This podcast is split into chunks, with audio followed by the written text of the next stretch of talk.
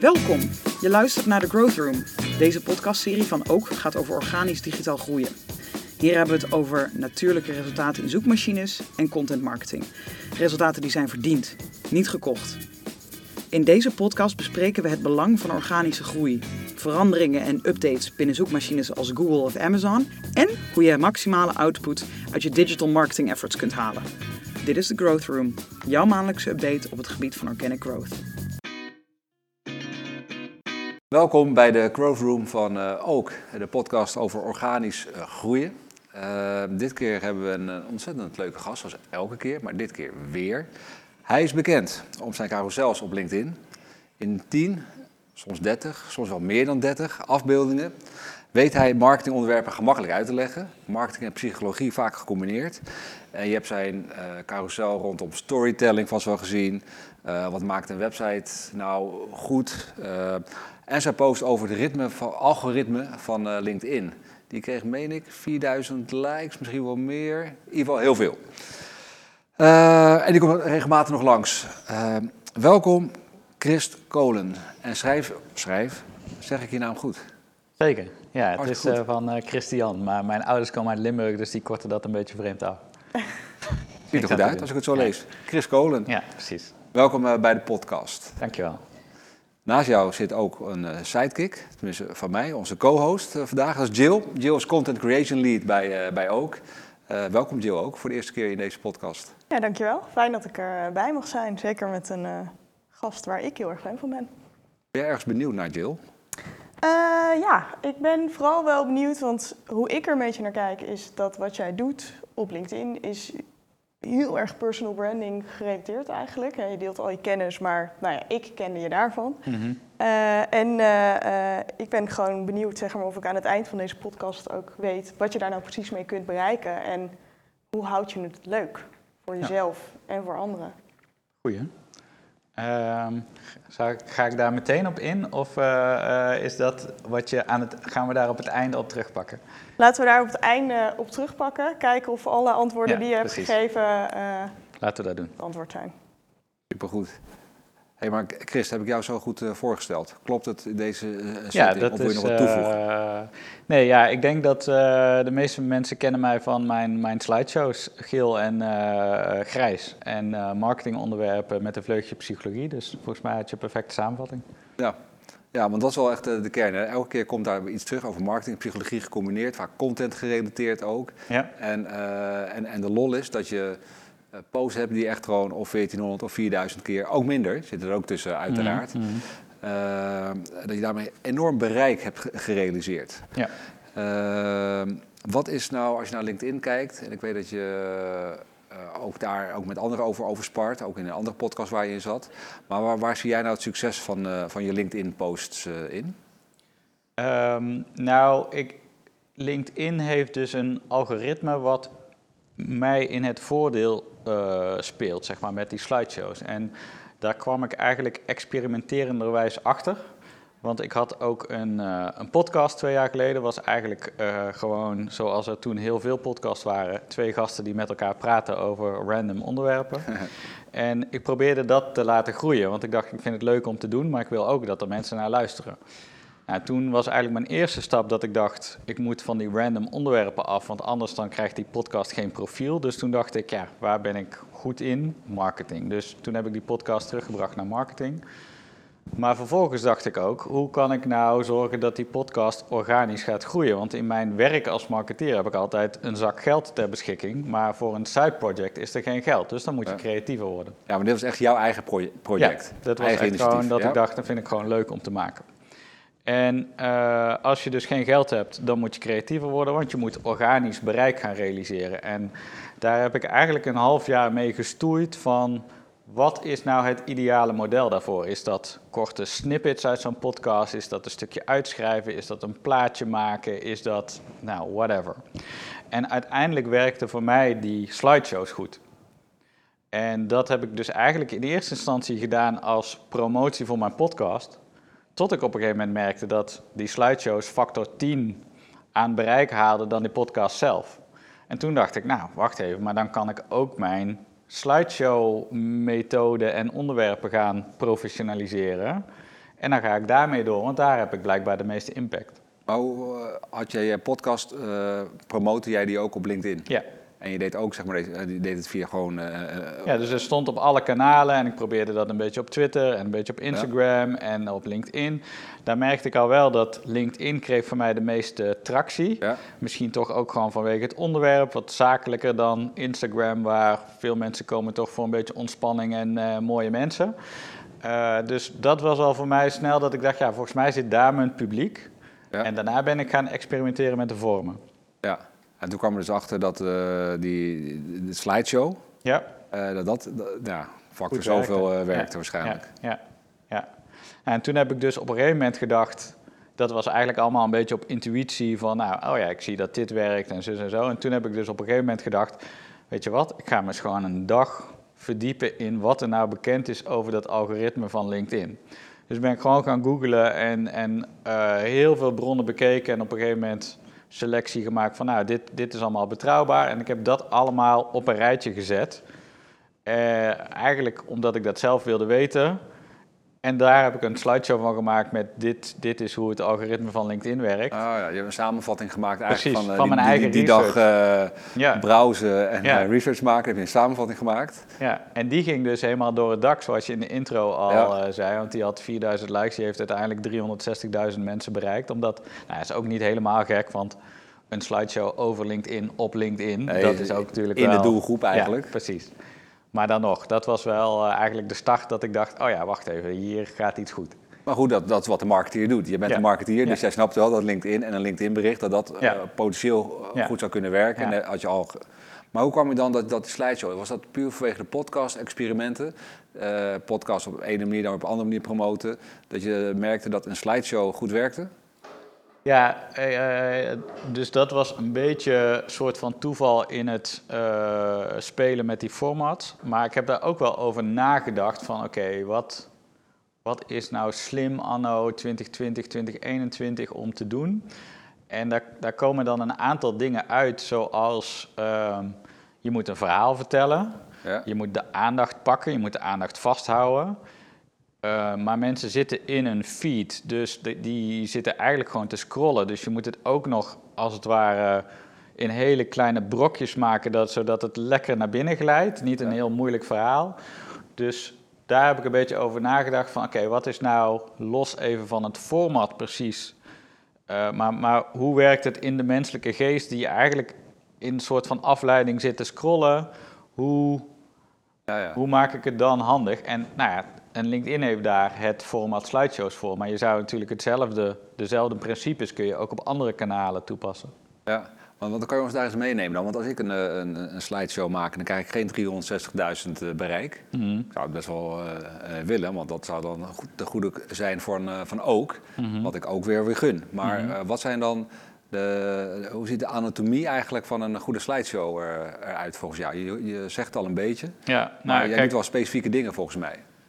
Ja, dus ik denk dat eh, twee dingen. Dus één gaat over de vorm en de ander gaat over de inhoud. Eh, dus de vorm zit hem heel erg in begin met echt iets pakkends. Dus, en ook soms een beetje provocatief. Hè? Dus die slideshow voor LinkedIn, daar had ik bijvoorbeeld van gezegd... dit is wat werkt op LinkedIn. Dat is al vrij overtuigende titel. En ik vond hem ook wel spannend, want ik dacht... ja, als hij nou 16 likes haalt, dan, dan faal ik natuurlijk Ja. vrij hard. Dus, maar je, je moet wel met een soort confidence of nieuwsgierigheid, prikkelen, zeg maar, dat eh, brengen. Dan heb je eigenlijk, en dit is eigenlijk een soort universele verhaalstructuur, dat je eigenlijk zegt, eh, noem eens wat, veel mensen posten op LinkedIn, maar krijgen weinig eh, interactie. En dan, nou, dan denken mensen, oh, dit herken ik. En dan kom je eigenlijk met, maar dat kan ook anders. Dus dan kom je eigenlijk met, eh, eerst heb je een pakkende intro, dan heb je een stukje waar mensen zich in herkennen. En dan ga je eigenlijk zeggen, maar ik heb hier een oplossing of een andere zienswijze. En dat ga je dan uiteenzetten en daarin probeer je mensen iets te leren. En dan kan je er eventueel nog een conclusie aan verbinden. Maar er zit eigenlijk altijd zo'n soort, ja, hoe moet je dat zeggen, een, eh, een verloop in zo'n verhaal. Ja, eh, en wat mij, mij opvalt dan, in het los van het verloop van het verhaal, is dat het op één plaatje eh, heb je maar heel weinig Precies. tekst. Ja, dus Of- dat is nog, zeg maar, de, dus ik had jullie twee punten beloofd, de vorm en de inhoud. En eigenlijk inhakend op, de, dit hoort nog bij de vorm, super simpel. Ja. En super simpel is eigenlijk weer ook omdat mensen. Uh, het is niet zo dat je op LinkedIn zit en dat je dan denkt: Zo, nou ga ik eens even een heel zwaar rapport over milieumaatregelen lezen. Nee, je zit op dat ding omdat je even vijf minuten niks te doen had. Je wil je gedachten een beetje verzetten. Dus dan moet je het heel kort maken, zodat je eigenlijk meteen kan inhaken op die mindset van: Oh, ik zit eigenlijk een beetje doelloos te scrollen. En het dan in hele afgebakende blokjes brengen, dat helpt. Ja. Dus dat is eigenlijk zeg maar een pakkend verhaal en heel kort en snappy. Dat is dus de vorm. En het tweede punt is de inhoud. Um, en nou, pak even dan het voorbeeld ook. Um, ja, veel bedrijven zijn geneigd om dan te zeggen: Oh, we hebben dit fantastische project voor deze klant gedaan. En ja, dat is best leuk om te vertellen, maar dat is voor de andere kant niet zo heel boeiend. Terwijl als je eigenlijk zegt, oh, ik ga je iets leren of ik ga je entertainen of ik ga eigenlijk proberen toe te komen aan de behoeftes van jouw beste lezer, dan pak je eigenlijk die aandacht en dan kun je eigenlijk alsnog met een U-bord vertellen van, oh ja, trouwens, wij doen heel fantastische projecten, maar dat doe je eigenlijk heel secundair. Je moet je eerst echt verplaatsen in wat die lezer zou willen. En waarom denk je dat uh, eigenlijk niet alleen op LinkedIn, maar gewoon in content, dat veel bedrijven toch heel erg blijven hangen in dat over, ja, ja, over zichzelf praten. Terwijl wat ik jou net hoor zeggen is inderdaad hè, inhoud, zorgen dat er waarde in zit. Ja. Uh, ja, dit is, een, uh, is wel een interessante vraag. Ik weet het antwoord niet helemaal, maar ik zat, ik zat erover na te denken toen ik hier naartoe kwam. Want ik zat te denken, ga ik dadelijk een foto maken van mezelf in de podcaststudio en ga ik dadelijk op LinkedIn zetten podcast opnemen bij ook over organische groei. Komt binnenkort online. Dat is typisch iets wat mensen posten. Want het is lekker. Want dan zeg je eigenlijk, je zet jezelf op een podium en dan zeg je eigenlijk, kijk mij, ik ben zo belangrijk dat ik word geïnterviewd voor een podcast. En dat willen mensen eigenlijk niet zien. Uh, want dat is weer heel ego gedreven, zeg maar. Maar aan de andere kant naar mijn uh, beste vrienden, zou ik dat bijvoorbeeld wel communiceren. Omdat die beste vrienden, die hebben het beste met mij voor en die vinden dat ook leuk. Dus vanuit dat psychologische mechanisme, dat je dat eigenlijk met een hele kleine groep, doe je dat wel. En die vindt dat ook interessant. Alleen als je professioneel communiceert, dan moet je eigenlijk denken, ja, maar het gaat niet om die kleine groep, het gaat om die grote groep. En die grote groep die is niet per se geïnteresseerd in dat ik fantastische projecten doe of dat ook fantastische projecten doet, die wil what's in it for them. Dus dat is volgens mij een beetje waarom mensen toch geneigd zijn om, om het bij zichzelf te houden, omdat dat dus op kleine schaal wel natuurlijk voelt. Ja. Dit is een persoonlijke theorie overigens, ja. maar uh, ja. En is er dan ook van, uh, dat jij uh, een soort van tip hebt om die denkrichting om te zetten? Uh, hoe doe jij dat zelf bijvoorbeeld? Inderdaad, op het moment dat je misschien aan jezelf denkt en dan denkt, wat hebben mijn lezers hier aan? Hoe ja, de, eigenlijk, eigenlijk precies dat. Dus gewoon echt die vraag stellen van als ik dit nou breng, heb ik hier mensen dan iets van waarde meegegeven? Heb ik ze verder geholpen? Heb ik ze geëntertained? Uh, ja, en dan als het antwoord in al die gevallen eigenlijk nee is, ja, dan kan je beter niet posten. Uh, kijk, ik zou het wel kunnen omvormen van uh, dat je zegt, nou, ik werd geïnterviewd bij uh, Ook en uh, alle techniek was keurig verzorgd. 10 tips voor een moeiteloze podcast. Weet je wel, dan geef je dus weer iets terug. En secundair of tussen de regels door kan je alsnog vertellen van, oh, ik ben daar geweest. Maar dan draai je toch weer om. Wat zie je dan het meeste misgaan? Is, is het dan ook dit precies wat Jill naar vraagt en wat jij beantwoordt, mm wat je ziet misgaan? Dat het uh, altijd, zeg maar, uh, nou, de, uh, ja, vaak ego is. kijk, ja, dus, hebben we een mooie prestatie. Of, ja, ik, dus ik zie twee dingen. Eén is dus gewoon eigenlijk het, het, het ego-ding. dus gewoon weer een fantastische klant erbij. jee, jee, wat een succes. dat is één ding. En de ander wat ik ook veel zie is um, ja, bijna een soort plichtmatige storytelling manier. Dus je ziet heel veel coaches die dan ergens een social media cursus hebben gedaan en die dan echt zo'n verhaaltje maken en dan eh, ook nog altijd eindigen met eh, wat doe jij om eh, leuk de dag door te komen? Zo'n soort plichtmatige vraag om interactie uit te lokken. Maar daar zit geen authenticiteit in, want eigenlijk zijn ze helemaal niet zo geïnteresseerd in wat die ander doet. Maar ze, zijn, ze proberen eigenlijk gewoon engagement op hun eigen post te creëren. Dus als je een vraag stelt of als je zoiets doet, ja, doe het dan ook omdat je het meent. Omdat je echt benieuwd bent naar, hé, hey, ik ben op zoek naar manieren of inspiratie van hoe anderen dat doen. Ja, maar hoe zou, hoe zou je het dan... Ja, Oké, Ja. dat snap ik. Hè, dat, dat je, Mhm. de vraag die moet echt authentiek zijn. En je Ja. moet daar ook gewoon alert op zijn. En volgens mij dan ook, Mhm. kan ik me zo voorstellen, op, op reageren. Maar hoe zou je dan... eh, hoe zou je een post dan, dan, dan aanvliegen? Eh, als ik eh, eh, een post maak voor, Mhm. voor LinkedIn... eh, wat zijn dan inderdaad de basistips die je me dan meegeeft? Of dat kijk, ik zou me kunnen voorstellen dat jullie zijn goed in organisch bereik creëren. Eh, vertel daarover en wees niet de bang, te bang om je kennis weg te geven, omdat de mensen waar jij je op richt, die gaan waarschijnlijk het sowieso toch niet zelf doen. Die gaan uiteindelijk toch weer gewoon naar een bureau. Eh, dus nou ja, dan kan je dus eigenlijk heel veel waarde geven door gewoon te schrijven over een techniek of een tip of een methode. Daarmee help je je publiek, maar daarmee positioneer je jezelf ook wel weer als een, een soort thought leader of hoe je het expert of hoe je het noemen wil. Ja. ja. En als je nou een... eh, je, je toch die, die snap ik, hè? Dat, Mhm. Ik denk ook dat dat... eh, daar kan ik me heel in vinden. Ga, ga ik op letten. Dus dank voor deze tip Mhm. alvast. En dan heb je... Ik ben ook trots op de opdrachtgevers die we hebben. Mhm. Ik wil opdrachtgevers wil ik wel in het zonnetje zetten. Als in... of in het zonnetje zetten. Ik vind het wel tof om, om te- met het bedrijf te zeggen... Nou, we werken voor, eh, voor eh, deze club. Mhm. Hoe vind je dat? Hoe kijk je ernaar? Meerdere bedrijven doen dat, meerdere personen doen dat. Mhm. Dat, dat zie je heel, heel vaak. Mhm. Hoe zou je daar het beste mee om kunnen gaan om daar wel impact te maken? Zodat je aan de ene kant wel misschien laat zien van nee, daar werk ik voor. Dus wordt ook Mhm. een beetje naar je achterban laat zien. Nou, een Mhm. gerenommeerde partij. Eh, Mhm. Aan de andere kant dat ook nog eh, één authentiek, maar twee ook dat, het, dat de interactie opkomt. Ja.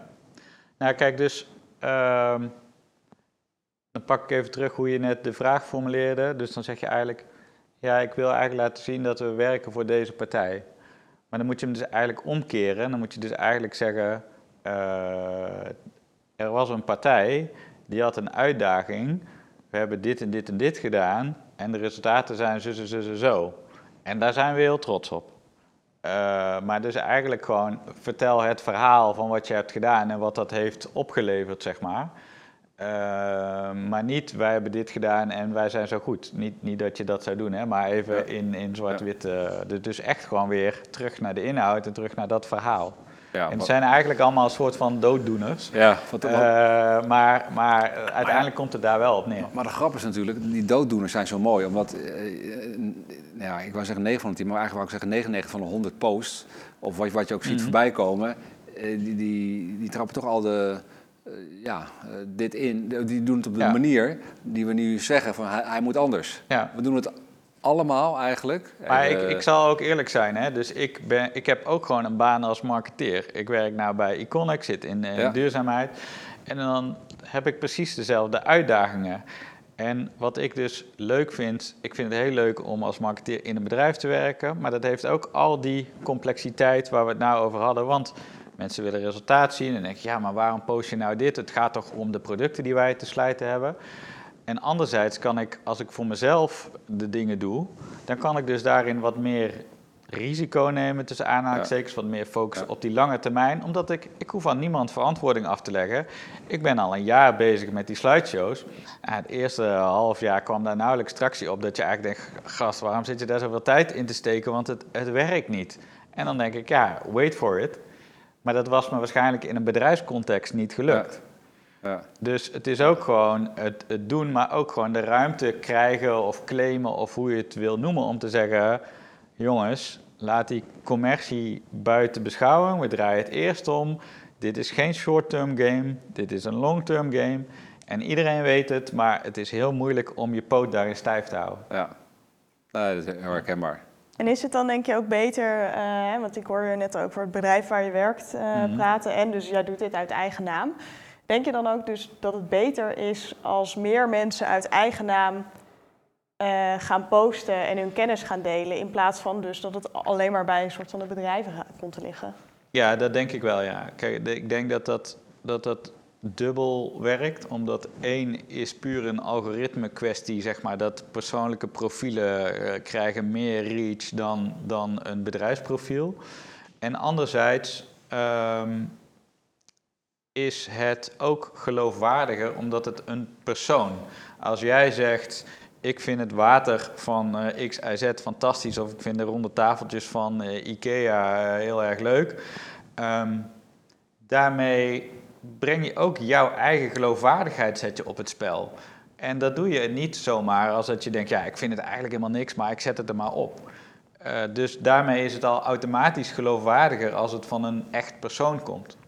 Dus dat is denk ik sowieso wel krachtiger, ja. Ja, en zou dat dan ook eh, bijdragen aan, eh, nou bijvoorbeeld in dit geval als eh, wij van ook eh, dat op eigen naam dingen gaan posten, denk je dat dat dan ook echt bijdraagt aan Zeker. geloofwaardigheid van ook? Ja, zeker. Want daarmee, nou ja, weet je, daarmee laat je ook zien dat, het, dat je als specialist daar werkt, eh, dat je erachter staat wat je doet. Dan komt het niet allemaal uit één bron, maar dan zie je verschillende mensen die dat posten. Ehm, maar het is ook moeilijk, hè? want het is, nou, we hadden het net over de podcast en consistentie daarin. Want eerst dan doe je het een keer. Maar ja, doe het maar eens gewoon een jaar lang, iedere week, consistent een post over je werk die waarde toevoegt. Ja, dat is gewoon wel harder werken dan de meeste mensen eh, vooraf denken. Ja. Want het lijkt een post. Maar ja, je moet erover nadenken, je moet het schrijven, eh, je moet het nog een keer reviewen. Ja. Dat klopt. En eh, een heel ander, ander stuk eh, daarvan, wat het effect heeft ook voor jou, hè? dat is, eh, je hebt, eh, nou heb ik het van horen zeggen, maar dat moet jij maar bevestigen of ontkrachtigen. Maar je hebt 5000 eh nieuwsbriefabonnees ondertussen en bij elke post, gemiddeld genomen, krijg je 100 inschrijvingen erbij. ja. Waarom kies jij voor LinkedIn als kanaal om je richting de conversie van je nieuwsbrief? Het werkt blijkbaar, dat is Ja. misschien het argument al. Maar is dan de vraag waarom LinkedIn of waarom een nieuwsbrief als conversiedoel? Nou ja, LinkedIn, eigenlijk is het eh, eh, LinkedIn als kanaal om uh, nieuwsbriefabonnees. Dat heb je waarschijnlijk met experimenten, kan ik me voorstellen, uh, ben je erachter gekomen dat het werkt. Mhm. Ik ben benieuwd waarom je LinkedIn gebruikt, want ik zie dat, ik zie dat vrij weinig. Dat LinkedIn wordt gebruikt als een, een manier om je nieuwsbriefbestand ja. te vullen. Ja, goede vraag. Um, volgens mij is het. En ik denk dat ik eigenlijk misschien die andere kanalen niet goed genoeg ken. Maar ik heb het gevoel dat LinkedIn het meeste organische bereik weggeeft. Dus als ik iets post op Facebook, dan zien mijn vrienden dat. Uh, en dat wordt maar heel beperkt buiten mijn eigen vriendenkring, ja. zeg maar, gedeeld. Met Instagram is dat eigenlijk net zo. Ja. Uh, Twitter heb ik, heb ik tien jaar geleden was ik daar heel actief op, maar dat is een soort polarisatiebeerput geworden. Dat ik dacht, nou, uh, daar, daar is een beetje de marketing community een beetje weggezakt, zeg maar. Dus ja, dan blijft LinkedIn een beetje over. Ja. En uh, dus dat, dat denk ik ten aanzien van LinkedIn. En die nieuwsbrief vind ik ook nog wel een interessant punt om even aan te halen, omdat uh, toen ik hiernaar op weg was, zat ik daar een beetje over na te denken. En even, ik even een klein beetje filosofisch worden, als dat mag. Um, en ik weet niet meer van wie de uitspraak is, maar ik was in een museum en daar las ik de quote: First we shape our tools, and then our tools shape us. En daarmee, als ik dit dan weer even terugvertaal naar LinkedIn, de tool is eigenlijk het algoritme. Want het algoritme helpt ons om de interessante dingen naar boven te laten komen en de minder interessante weg te dingen. Dus first we shape our tools, het algoritme helpt ons. En dan kom je in het tweede deel, but then our tools shape us, is dat nu zijn wij eigenlijk allemaal in dienst van het algoritme. Want wij proberen ja. iets te bedenken wat lekker op het algoritme gaat. Ja. En dat is heel gek. Maar daarom heb ik dus Ja. die nieuwsbrief, omdat dat eigenlijk het enige kanaal is wat algoritme onafhankelijk is. Ja, wat jij zelf bepaalt. Precies, Eh, want als, als LinkedIn over drie maanden zegt, ja, de slideshows, die, de, er zitten zoveel spammers Ja. en toestanden op, die gaan we helemaal downgraden, dan ben ik weg. Precies. Maar mijn Ja. nieuwsbrief kan ik altijd nog gewoon naar die inbox. Nou, daar was ik benieuwd naar. Dat was eigenlijk mijn volgende vraag. Hoe zie je, hè, je- aan de ene kant zie je dat, dat, eh, 10, 20, 30 uh, slides, dat werkt. Uh, de ene kant is de vraag van, uh, de, wat was het maximum? Uh, als je Mhm. eenmaal hebt, kan je dan doorgaan tot 50. Probeer Ja, je dat wel eens Ja. uit, hè? Van, Ja. tot hoe ver kan ik gaan? Ben ik sowieso nieuwsgierig naar hoe je daarover denkt. Maar wat als het li- LinkedIn-algoritme weer verandert? Want het is net zoals het Google-algoritme, het Facebook-algoritme, het verandert continu. En het, waar bij Google en Facebook heel erg, en Instagram natuurlijk, dat ze de mensen echt in hun eigen ecosysteem willen houden, zie je dat eigenlijk ook bij LinkedIn. Van wat we weten, als je uitlinkt naar LinkedIn, dan krijg je Ja. al, al een, een mindere score, als ik het Ja. zo mag noemen, Ja. van LinkedIn. Dus willen je in LinkedIn houden. Ja, dit is een heel goed punt. En dat had ik net eigenlijk moeten aanhalen toen we Jill vroeg van eh, wat doen bedrijven verkeerd of eh, dat soort dingen. Ehm, heel veel bedrijven die willen eigenlijk hun verhaal vertellen op hun eigen platform. Want dat is lekker, want dan ga je in Google Analytics, zie je weer de bezoekers omhoog Ja. gaan en dat soort dingen. Maar precies wat jij aanhaalt, dat is, eh, eigenlijk wordt dat op al die platformen gedowngrade. Dus je zou als bedrijf ook veel meer moeten durven om te zeggen, ja maar ik, ik hoef die traffic niet per se, ik wil mijn verhaal vertellen. En waar dat verhaal wordt gelezen, of dat in een nieuwsbrief is of op mijn website of op het social platform, maakt niet uit, want dat is, dat is wat ik te brengen heb. Ja. Dus dat is ook een major tip. Vertel het verhaal op het platform waar die mensen zitten. A, omdat het algoritme dat beloont. Maar B, veel meer mensen blijven hangen. Omdat, weet je, een klik is toch weer een actie. Ding moet, ook al is het maar een half seconde, weer even laden. Dus je, je verhaal wordt veel makkelijker overgebracht als je het op het platform houdt. Ja, maar zou je dan niet ook meerdere kanalen moeten gebruiken, eh, waarschijnlijk? Is dat niet zo dat je LinkedIn, als, als mensen in LinkedIn ook bl- zullen blijven, omdat Mhm. LinkedIn doet er van alles aan om ervoor te zorgen dat je op LinkedIn blijft, zodat je Ja. maar daar blijft interacteren. Dat is goed voor LinkedIn zelf. Ja. Ehm, ehm, dus daar moet je een verhaal voor LinkedIn, zodat je daar engagement kan hebben over je merk. Aan de andere kant wil je het liefste, dus eh, Zoveel Ik- mogelijk. ik wil het zelf eh, in de hand houden. Ik, ik, ben, ik ben in die zin, eh, als ik mijn angstige zelf eh, aanspreek, dan is het straks kan ik eh, Google houdt zijn verkeer, LinkedIn houdt zijn verkeer, maar ik wil het zelf beïnvloeden. En dat is met mijn nieuwsbrief, wat je net zegt, daar kan ik het allemaal zelf beïnvloeden. Daar zit geen algoritme achter. Precies. Dus die wil ik ook, daar wil ik zoveel, zo snel mogelijk, zoveel mogelijk abonnees. Ja, ja. ja dus, dus dat is 100% mijn doel. Maar ook daar moet je dus weer een soort paradoxaal denken. Want als ik zeg maar eh, een whatever post zou plaatsen en in de derde zin zou zetten: schrijf je in voor mijn nieuwsbrief, doet niemand dat. Ja. Dus het is eerst laat je eigenlijk zien: hé, hey, ik geef waarde. eh, en dan zeg je eigenlijk daarna: oh ja, als je het interessant vindt, kun je ook op de nieuwsbrief. En wat je ook dus vroeger heel veel zag, was eh, download mijn e-book in ruil voor een e-mailadres, weet je wel. Nou, werd je helemaal mee doodgegooid en dat doet niemand meer. Want je denkt van, ja, vul ik mijn e-mailadres in, krijg ik daar zo'n gare pdf, heb ik niks aan. Ik wil vooraf al zien wat die waarde is.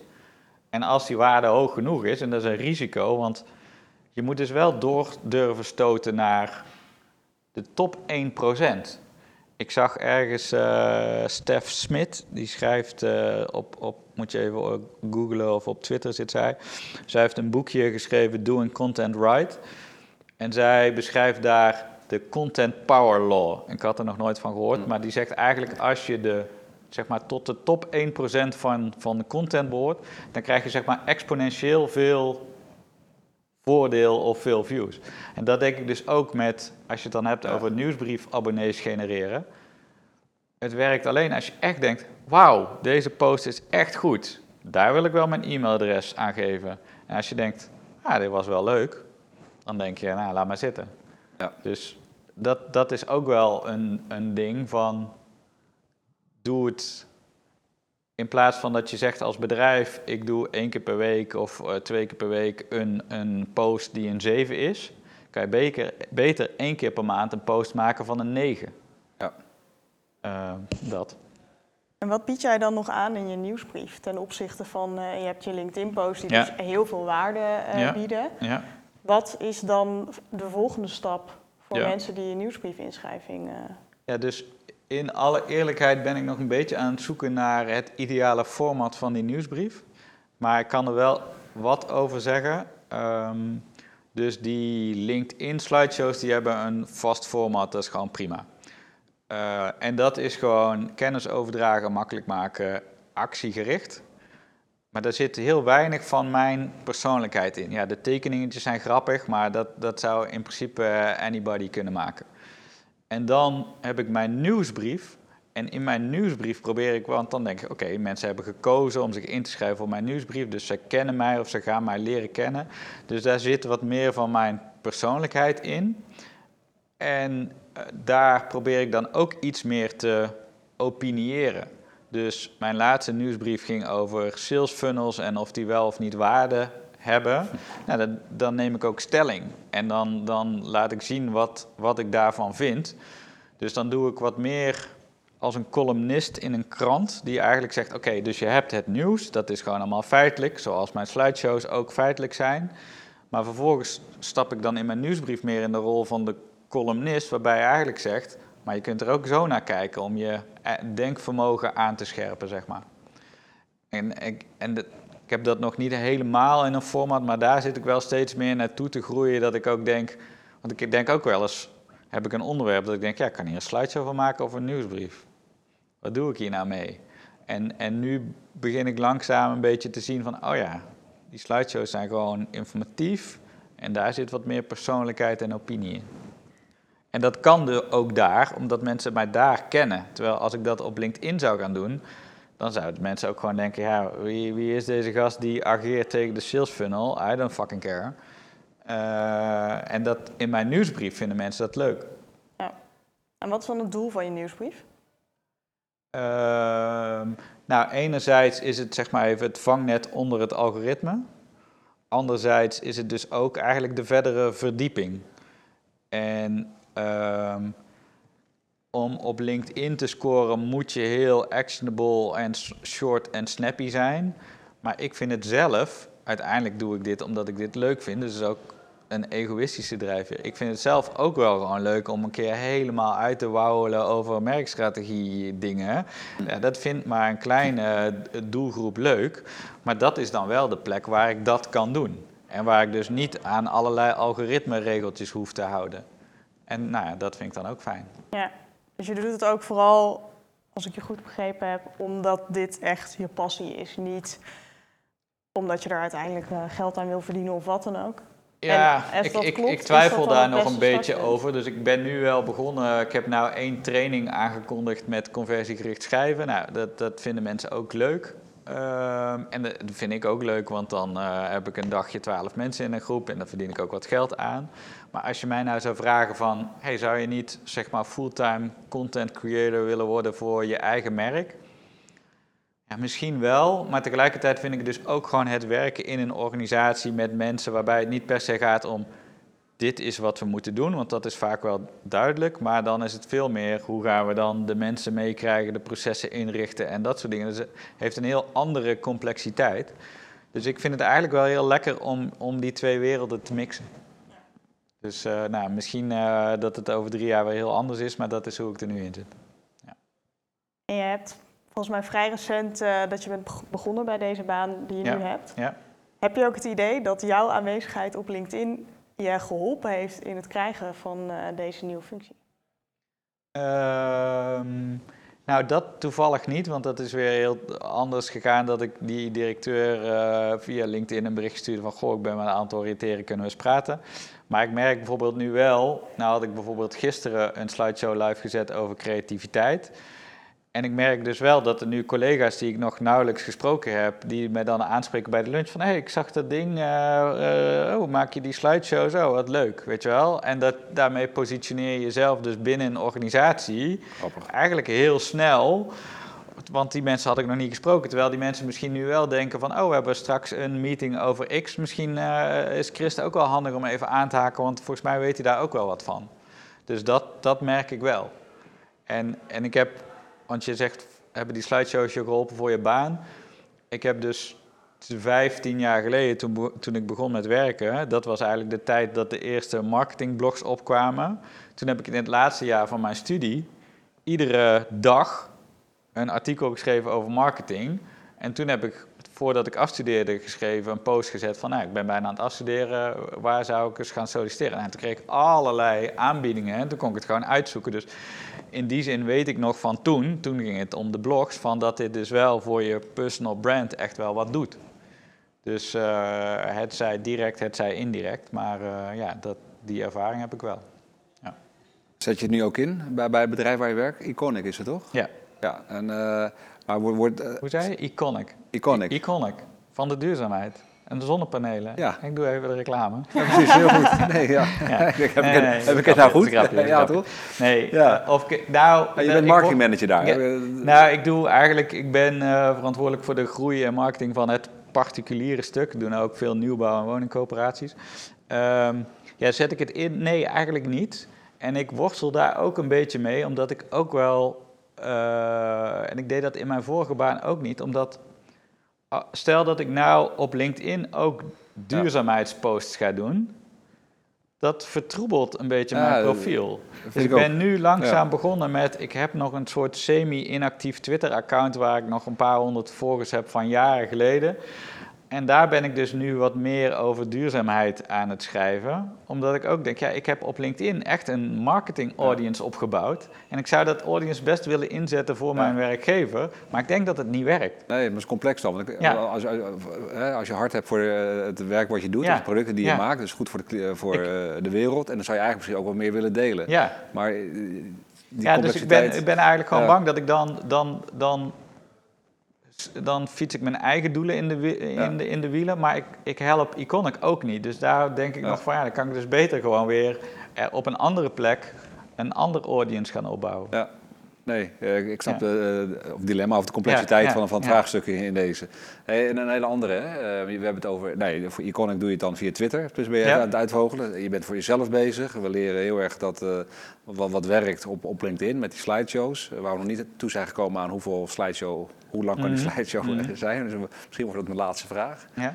Maar stel nou, je doet het voor een andere partij. Hè? Je, je bent een, eh, een commerciële partij, een grote partij. Eh, eh, je bent een IKEA. Ja. Eh, hoe zou LinkedIn voor een IKEA ingezet eh, kunnen worden?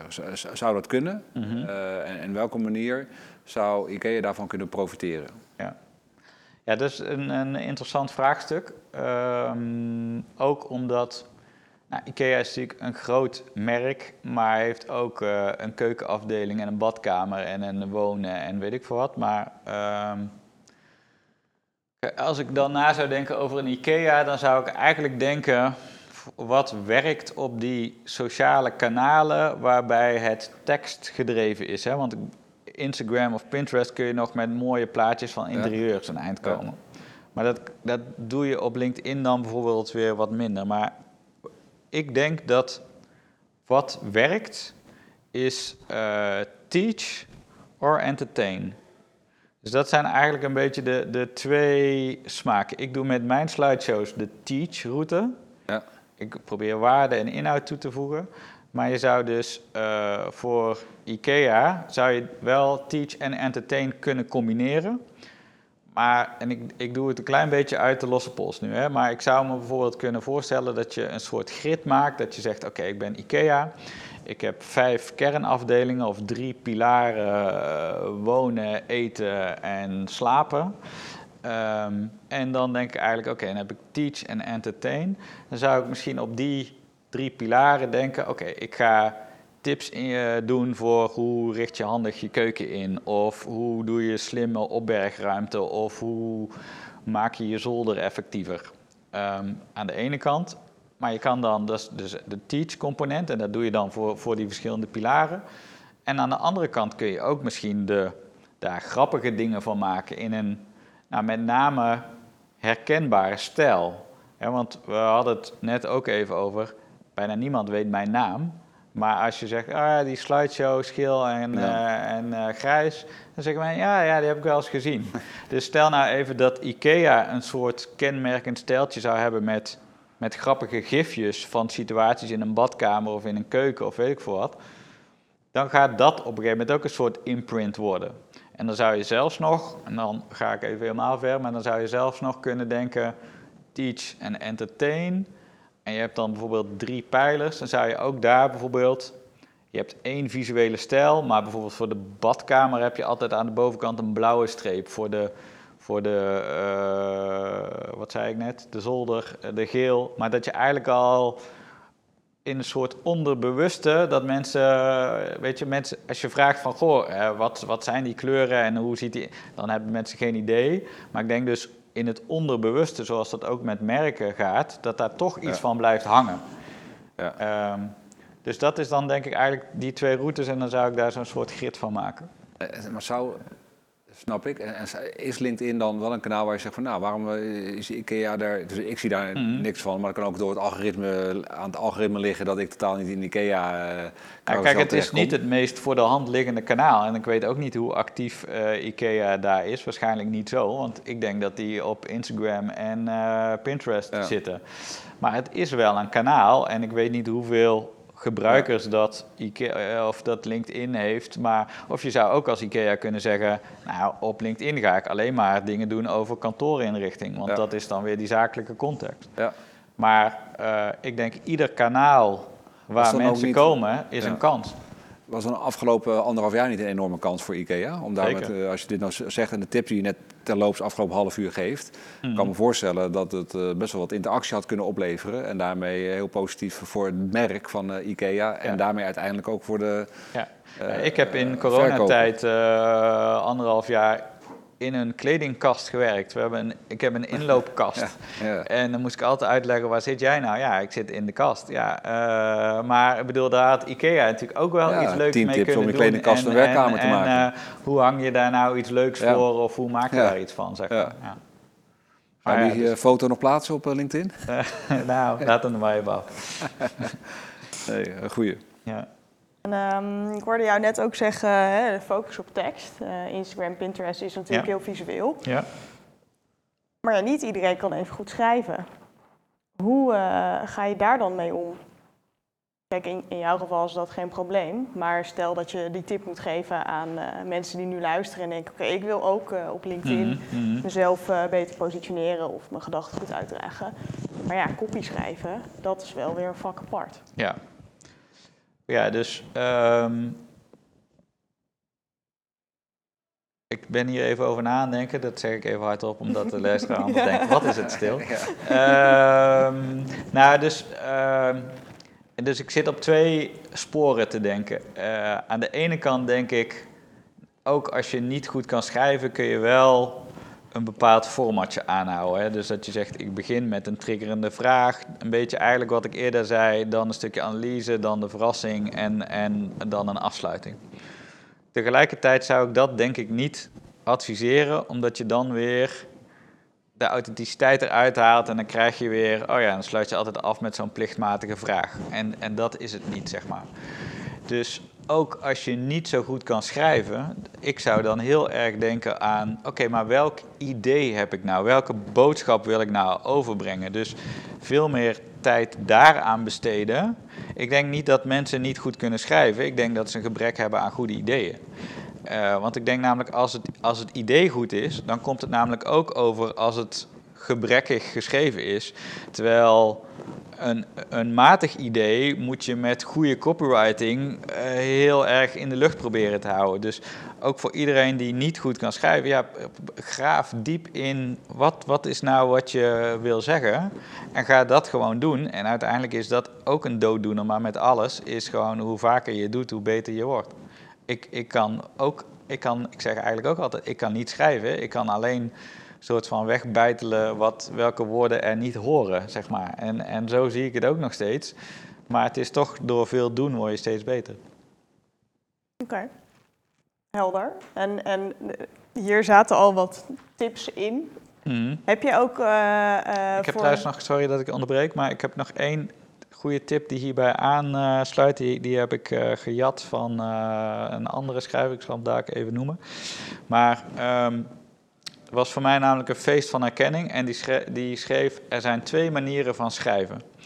En één, zei die, is de printer method en de ander is de pixel method. En de printer method is eigenlijk, een printer werkt van boven naar beneden. Dus die begint met printen en dan komt er eigenlijk, als hij 20% van een foto print, dan is die bovenste 20% al perfect weergegeven. Want dat doet de printer, die werkt van boven naar beneden. Een pixel method, die zegt eigenlijk, ik heb hier een plaatje En hij is nog helemaal geblurred in hele grote uh, brokken. En dan gaat hij eigenlijk in drie of in tien stappen, wordt dat beeld steeds fijner. Dus die gaat niet van boven naar beneden, maar die begint gewoon zo paf met het hele beeld. En die gaat steeds verder verfijnen. En uh, ik denk dat veel mensen, als ze gaan schrijven, de printer met het hanteren. Want dan denken ze, oké, nou moet ik iets schrijven. En de eerste zin moet raak zijn, de tweede zin moet raak zijn. En zo schrijf ik eigenlijk in één keer het perfecte stuk. En op het einde doe ik nog een keer nalezen voor de typo's. Maar je kan ook zeggen, dat is heel moeilijk, want dan heb je dus een druk op iedere zin.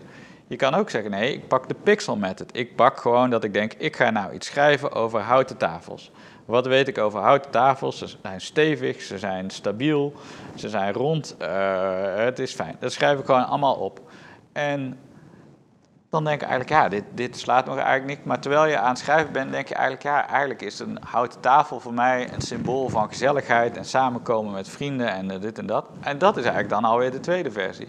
En uh, dat helpt je heel erg om die druk eraf te halen van de set van vijf perfecte zinnen naar gewoon als een soort kleien gewoon denken, hop, ik begin ergens en ik schaaf het gewoon bij en op het einde druk ik op save en dan heb ik een goede tekst.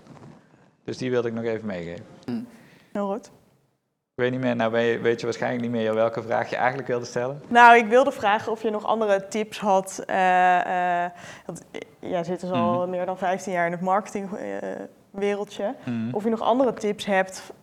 dat kan zijn mensen die jou heel erg inspireren, boeken, wat dan ook, waarvan je zegt: oké, als jij ook net zo goed wil worden als ik, ja. dan moet je dit echt doen. Ja, ik heb er wel een paar. Ehm, die laatste, laatste voorbeeld wat ik net gaf, de printer en pixel method, die komt van David Perel. Uh, met 1 R en 2 L'en, Perel. En hij noemt zichzelf The Writing Guy en hij doet ook schrijftrainingen, maar hij deelt heel veel tips. Hij heeft een hele goede nieuwsbrief en hij heeft ook, en die zullen we straks in de show notes uh, zetten, kan vast. Ja. Hij heeft ook een uh, gratis e-mailcourse uh, laat je e-mailadres achter, krijg je 50 dagen lang één mailtje met één schrijftip. Nou, dat is al heel lekker om iedere dag gewoon één ding van hem uh, te ontvangen. Dus David Perel op Twitter actief, dat is echt een, uh, een goede om geïnspireerd te worden in praktische tips. Um, verder ben ik nu een boek aan het lezen en hij is niet op bol.com te krijgen, maar wel op Amazon. En dat boek is van Nicholas Cole. En dat heet uh, The Art and Business of Writing Online. En dat gaat enerzijds over copywriting, maar anderzijds ook heel erg over de platformen en de algoritmes. Want vaak zijn het of soort van marketingboeken die gaan over die platformen, of het zijn copywritingboeken. Maar hij combineert dat eigenlijk. En dat, dat maakt het heel erg interessant. Het gaat niet om schrijven, het gaat niet om het platform, maar het gaat eigenlijk over hoe kun je met schrijven bereik uh, realiseren op, op die platformen. Dus de, de, de Art and Business of Writing Online op Amazon, Nicholas Cole. En als laatste daaraan gekoppeld, want toen dacht ik eigenlijk, wie is deze gast? Dus ging ik dan ook weer in verdiepen. En uh, toen kwam ik erachter dat hij nu samenwerkt met een andere Amerikaanse jongen. En die heet, een beetje aparte naam, maar die heet Dickie, Dickie Bush. Gewoon Bush zoals je de president schrijft en, en Dickie. En zij hebben samen een schrijfschool, online schrijfschool, en dat heet uh, Ship 30 for 30. En daar schrijf je je voor in, dan weet ik veel, 150 dollar of zoiets. En dan is de, je gaat eigenlijk meedoen aan een soort challenge. En dan zeggen ze eigenlijk, je gaat 30 dagen lang elke dag iets schrijven maar dat ook publiceren. Want zij zeggen eigenlijk, de stelregel is, het gaat niet om het schrijven, het gaat om het publiceren. Want als je publiceert, dan krijg je reactie. En dan, krijg je, dan zie je op een gegeven moment wat aanslaat en dan wordt je idee gescherpt, uh, aangescherpt door de reactie. Dus Dickie Bush, die geeft ook veel tips. Dat is ook in lijn toch met uh, de titel van uh, For Our Work Week. Mm -hmm. Was het ook niet zo dat de... Het testen. Ja, ja, precies. Dus, dus, dus die Tim Ferriss, die, uh, die had dat boek geschreven een heel eind en toen dacht hij, hoe ga ik dit noemen? En hij had eigenlijk als titel, echt een dodelijke titel, maar Drug Dealing for Fun and Profit. En serieus? eh, toen zei iedereen, ja gast, dit moet je echt niet doen. Hij vond het echt zelf een heel goed idee, maar toen heeft hij dat getest met een, een klein Google AdWords budgetje. En toen kwam er dus de 4-Hour Workweek, wat een briljante titel is. Die kwam daaruit, omdat hij het in public heeft neergezet. Ja, maar Ja. gepubliceerd. Ja, en, eh, precies. in die zin kan je Ja. makkelijk testen met wat. AdWord budget. Om, Ja. ge- Geniaal verhaal. Is er nog iets waar jij bang voor bent? Hè? Over LinkedIn-algoritme, over de, je bent zelf je nieuwsbrief, abonnees aan het opbouwen, je bent trainingen begonnen. Mm. Eh, is er iets waar, waar je nog bang voor bent dat, dat iets instort, dat het toch niet zo gaat zoals je had gedacht dat het zou kunnen gaan? Hoe het, Nou, dus, dus we eigenlijk weten? die algoritmes en zo maak ik me niet zo druk over, want dat kan gaan veranderen. Maar dan denk ik, nou, dan verander ik gewoon mee. En, en dan denk ik eigenlijk, als je basisidee is, goede content, dan kan je het ook gewoon... Ik zou nu ook kunnen stoppen op LinkedIn en ik zou over kunnen stappen naar Instagram Stories. Zou ik het format waarschijnlijk iets anders maken, korter, eh, Ja. maar dat zou uiteindelijk, het zou een tijdje kosten, maar het zou uiteindelijk ook weer lukken. waarom zou je, doe je het al of niet? Nee, Waarom zou je het niet doen? zo weinig tijd. Ja, Dus dat is eigenlijk simpel. Ja. Eh, dus daar ben ik allemaal niet zo bang voor. Eh, het enige waar ik soort van bang voor ben, is, en is ook een beetje paradoxaal, is... eh, ik heb gewoon een baan, ik heb een gezin en ik doe dit met die nieuwsbrief. En dan denk ik eigenlijk, oh, dit gaat goed, daar wil ik meer van doen en meer tijd in stoppen. Maar creativiteit is ook heel erg gebaat bij, ik heb vandaag vrij. Ik zie hier een boek liggen of een artikel en dat gaat over eh, zwerfkeien uit Zweden. Goh, dat is interessant. Ga ik eens induiken. Ja, dat, dat is niet een onderwerp waar je meteen denkt, oh, daar kan ik straks iets Nee, mee. nee. Maar het is eigenlijk je nieuwsgierigheid volgen, brengt je heel ver. Maar om je nieuwsgierigheid te kunnen volgen, moet je eigenlijk een soort eindeloze idee, zee van tijd hebben en je gewoon laten meevoeren tot whatever daar komt. Hoe geweldig zou het ook, zijn? Dat was ook de titel eigenlijk van mijn podcast waar ik begon. Dat, die heette Current Obsessions. Ja. Omdat ik eigenlijk dan altijd... Ik kwam dan op maandag op kantoor en dan zei ik... Nou, ik heb nou eh, dit hele weekend me zitten verdiepen in waterraketten. Waterraketten. Ja, als je dan druk zet op een colafles, dan kan je daar een raket van maken. Oh. Nou, dan kon ik dan bij de lunch helemaal over vertellen. Maar nu denk ik eigenlijk, oh, ik moet een marketingonderwerp hebben. Ja, dat gaat eigenlijk ten koste van Ja. mijn creativiteit. Maar hoe, eh, hoe spoor jij je eigen creativiteit dan aan? Om, eh, je moet elke woensdag, heb je jezelf beloofd, gaf je Ja. eerder aan dat je Ja. dan met, met, met iets moet komen. Nou ja, dus Hoe- ik doe, hoe- maar ik doe dus iedere drie weken. Dus ik heb mezelf al gelimiteerd door, denk, ja, ik ga niet dit iedere week doen, het kost me te veel tijd. Iedere drie weken. En ik wil eigenlijk ook weer een nieuwe podcast gaan beginnen, maar daar, daar doe ik ook rustig aan. Dat ik eigenlijk denk, ja, dan ga ik te veel hooi op mijn vork nemen. Eh, dus ik, ik probeer eigenlijk gewoon te zeggen, eens per drie weken slideshow, eens per drie weken een nieuwsbrief. En meer moet ik eigenlijk niet willen doen. Nee. Maar hoe, waar gaat de creativiteit, waar komt, wanneer komt de creativiteit na- naar voren? Wat doe je er proactief voor? Om, of kan, kan dat met creativiteit? Ja, kan wel, maar gewoon, eh, maar eigenlijk gewoon proberen je hoofd zo leeg mogelijk te houden, zeg maar. maar en, en dan dus gewoon ook niet bij alles denken, ik, ik moet hier iets van maken. Maar gewoon denken, ik ben oprecht benieuwd naar eh, hoe ze hoogpolige tapijten maken. Ja. En dan ga ik eens in uitzoeken of ze dan die eh, dingetjes knippen of dat dat, hoe dat, dat erin wordt verweven. En, en misschien kom je er dan achter dat je denkt, oh, dit is een hele interessante wereld waar ook een, een marketing eh, twist aan te geven is. Nou, dan gebruik ik Ja, dat. precies. Ja, ik snap het. Ja. Maar, eh, maar je moet Ja. eigenlijk gewoon al ervan uitgaan dat je 90% niet gebruikt. Maar het betekent dat je super nieuwsgierig, los van Ja. dat, dat je leeg moet zijn, betekent dat je super nieuwsgierig, Nieuwsgierig, dat is eigenlijk, bent. ja. Je, je gaat je verdiepen en dan komt er zelf wel die twist, want je bent toch wel marketing, psychologie minded, Ja. dat- dat je die hoek pakt Ja. voor jezelf. Ik, ik, ik had het er gisteren met een collega over, want ik, ik ben dus altijd aan het lezen. Ja. Altijd, altijd. En dat is dus eigenlijk ook waar ik dus nu op kapitaliseer. Omdat er dan altijd wel ergens een haakje te maken valt dat je denkt, oh, daar heb ik ooit eens iets van gelezen. Ja. En ik heb ook, dat is ook nog een tip overigens over schrijven en zo, even terugkomend op de vraag van Jill. Ik heb eh, een Google Sheetje en eh, elke keer als ik een idee heb, zet ik daarin. En als ik een, een eh, dus net stond ik hier in de lift en toen ik druk op de knop, hing een poster en dat was iets van eh, IT-traineeships. Van die, die, zochten jonge mensen om. En toen dacht ik, nou, dat is een interessant concept. Maak een foto van. Geen idee wat ik daar ooit mee ga doen. Maar dat komt in mijn boekje. Ja. En, en als ik er straks weer iets moet schrijven over opleiden of hoe de opleidingen niet aansluiten bij de arbeidsmarkt, dan weet ik weer, oh ja, maar er was ook zo'n club die deed een soort IT-traineeships waarbij je al ging werken en leren. Oh, misschien is dat wel een interessant model. En dat zit dan ergens in een van die honderd laadjes. Ja, En dat zou ik dus ook iedereen Ja, aanraden om je creativiteit ja. te voeden, ook gewoon al bakjes maken. Eh, eigenlijk documenteren vast van Ja. ideeën die, die spontaan ontstaan. Ja. Dankjewel Christ. Eh, Ik heb nog die ene vraag over. En misschien heeft Jill nog een eh, afsluitende vraag van... eh, is er een oneindigheid in aantal slides die je kan toevoegen op LinkedIn? Dat is mijn laatste vraag. Ja. De- de- denk je dat je dat kan maximaliseren? Nou ja, Ja, Maximum zit. Dan moet ik even terugpakken op een voorbeeld van ehm, die Netflix-serie van eh, die, die, die Amerikaanse president, dat koppel, dat power koppel, House of Cards. En Ja. dan de acteur die die president speelde. Kevin Spacey, dankjewel. Jill. Zit ergens namelijk in mijn laadjes waar ik het net over had. Kevin Spacey heeft ooit eh, gezegd: eh, Ik denk dat er straks speelfilms komen die acht uur duren. En dan denk je, acht uur, hoe kan dat nou? Want een format van een speelfilm is anderhalf, twee uur, misschien een keer uitschieten naar drie uur. En hij zei eigenlijk, ja maar luister, kijk, kijk nu naar het kijkgedrag van hoe mensen series kijken. Dus binge, binge-watching Ja. all over. Dus dan kijken mensen, komt een nieuw seizoen online, twaalf afleveringen. Kijken mensen in, in één keer twaalf uur achter elkaar.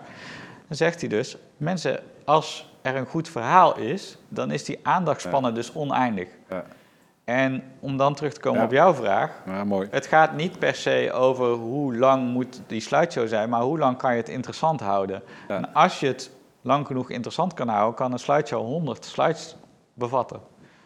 Ik ben nog niet zo creatief dat ik daar kan komen, maar er zijn ongetwijfeld mensen die dat kunnen. Dus ja, Ja, je, kan, over dat, je kan eh, heel ver gaan, denk. Hoogpolige tapijt een keer. Ja, dat zou zeker een heel goed onderwerp zijn. ik, hou me, ik hou me aanbevolen. Maar interessant, eh, Chris. Hartstikke eh, nou, Ja. enorm bedankt voor deze, dit leuke Ja, leuk gesprek, om er te zijn. zeggen. Dankjewel, allebei. Heb jij nog, eh Jill, je nog een Nou, vraag? eh, eh, als afsluiter dacht ik, eh we begonnen natuurlijk met eh, wat, ik, eh, eh, wat mijn verwachtingen waren, wat ik eruit wilde Oh halen. ja. Eh, en ik denk dat je daar heel goed antwoord op hebt gegeven. Maar misschien is het wel leuk ding. voor de luisteraars eh, als je dat nog heel kort en bondig kan samenvatten. En mijn, hè, wat ik wilde weten was dus, wat kun je bereiken met personal branding? Mhm. En hoe houd je dat dus leuk? Ja.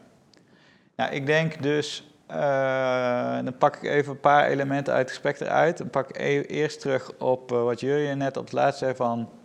eh, stimuleer je innerlijke nieuwsgierigheid, om het zo maar te zeggen. Dus, dus durf ergens in te duiken, ook al weet je nog niet precies waar je uitkomt, zeg maar. Twee is dan eigenlijk, als je dat gedaan hebt, dan kan je dus waarde toevoegen, want dan heb je een interessant verhaal. En dat verhaal kan gaan over hoogpolige tapijten, over waterraketten, over Netflix-series of over marketing. Maakt niet uit. En die waarde creëer je door die nieuwsgierigheid die je hebt gehad vast te leggen. En vervolgens kun je eigenlijk, dan zeg je dus eigenlijk, oké, mijn idee is dat hoe hoogpolige tapijten gemaakt worden, zit heel anders in elkaar als veel mensen denken. Dat is mijn idee. Dan kan ik misschien niet zo goed schrijven, maar omdat mijn idee zo sterk is, ga ik het toch publiceren. En als ik dan merk, en dat doe ik met tien verschillende onderwerpen, en dan merk ik op een gegeven moment van, oh ja, dit, hier krijg ik tractie, of dit gaat goed. En vervolgens ga je dan eigenlijk fijn slijpen. Dus nieuwsgierigheid, het idee, een groot idee en dat in je eigen woorden samenvatten, blijven consistent blijven doen, fijn slijpen. Dat zijn eigenlijk denk ik de vier belangrijkste elementen. En dan kan je, als je dat wil, daaronder je eigen vangnetje maken. Zeg maar zoals ik nou met mijn nieuwsbrief heb. En dan kan je dan eh, cursussen aanverkopen of hoogpolige tapijten. Of je gaat series maken, whatever. Maar dat is eigenlijk altijd een soort van secundair daaraan gekoppeld. Eh, dus dat. Het vijf stappenplan hebben we eruit gehaald. Ja, Ja, is dat wat? perfect. Zeker, ik eh, ga hem volgen. Oké, dankjewel. Jij ook nieuwe bedankt. postvormen. Ja. Dankjewel eh Christ en, eh, en Jill ook voor co-host zijn deze keer. Eh, graag volgende keer weer erbij. En Christ, ik zou eh, in de toekomst nog wel een keer eh, verder willen praten. Maar Ja. voor deze is die, is die klaar. Mooi. Nogmaals dank. Oké, dankjewel. En voor de luisteraars, hartstikke bedankt voor het luisteren. We gaan nog even netjes zitten hier voor de, voor, voor, de camera. Uh, bedankt voor het luisteren. En als je nou meer wil weten, uh, volg ons dan. Uh, dat is een knopje op je mobiel waar je kan volgen van de, dus op Spotify tenminste van de afleveringen.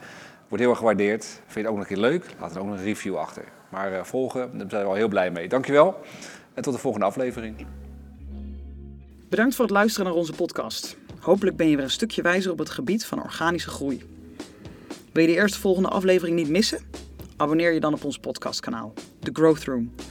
En laat het ons ook weten als er een onderwerp is wat jij graag terug hoort. Meer weten over Ook? Kijk dan eens op www.ookisnau.com. Fijne dag!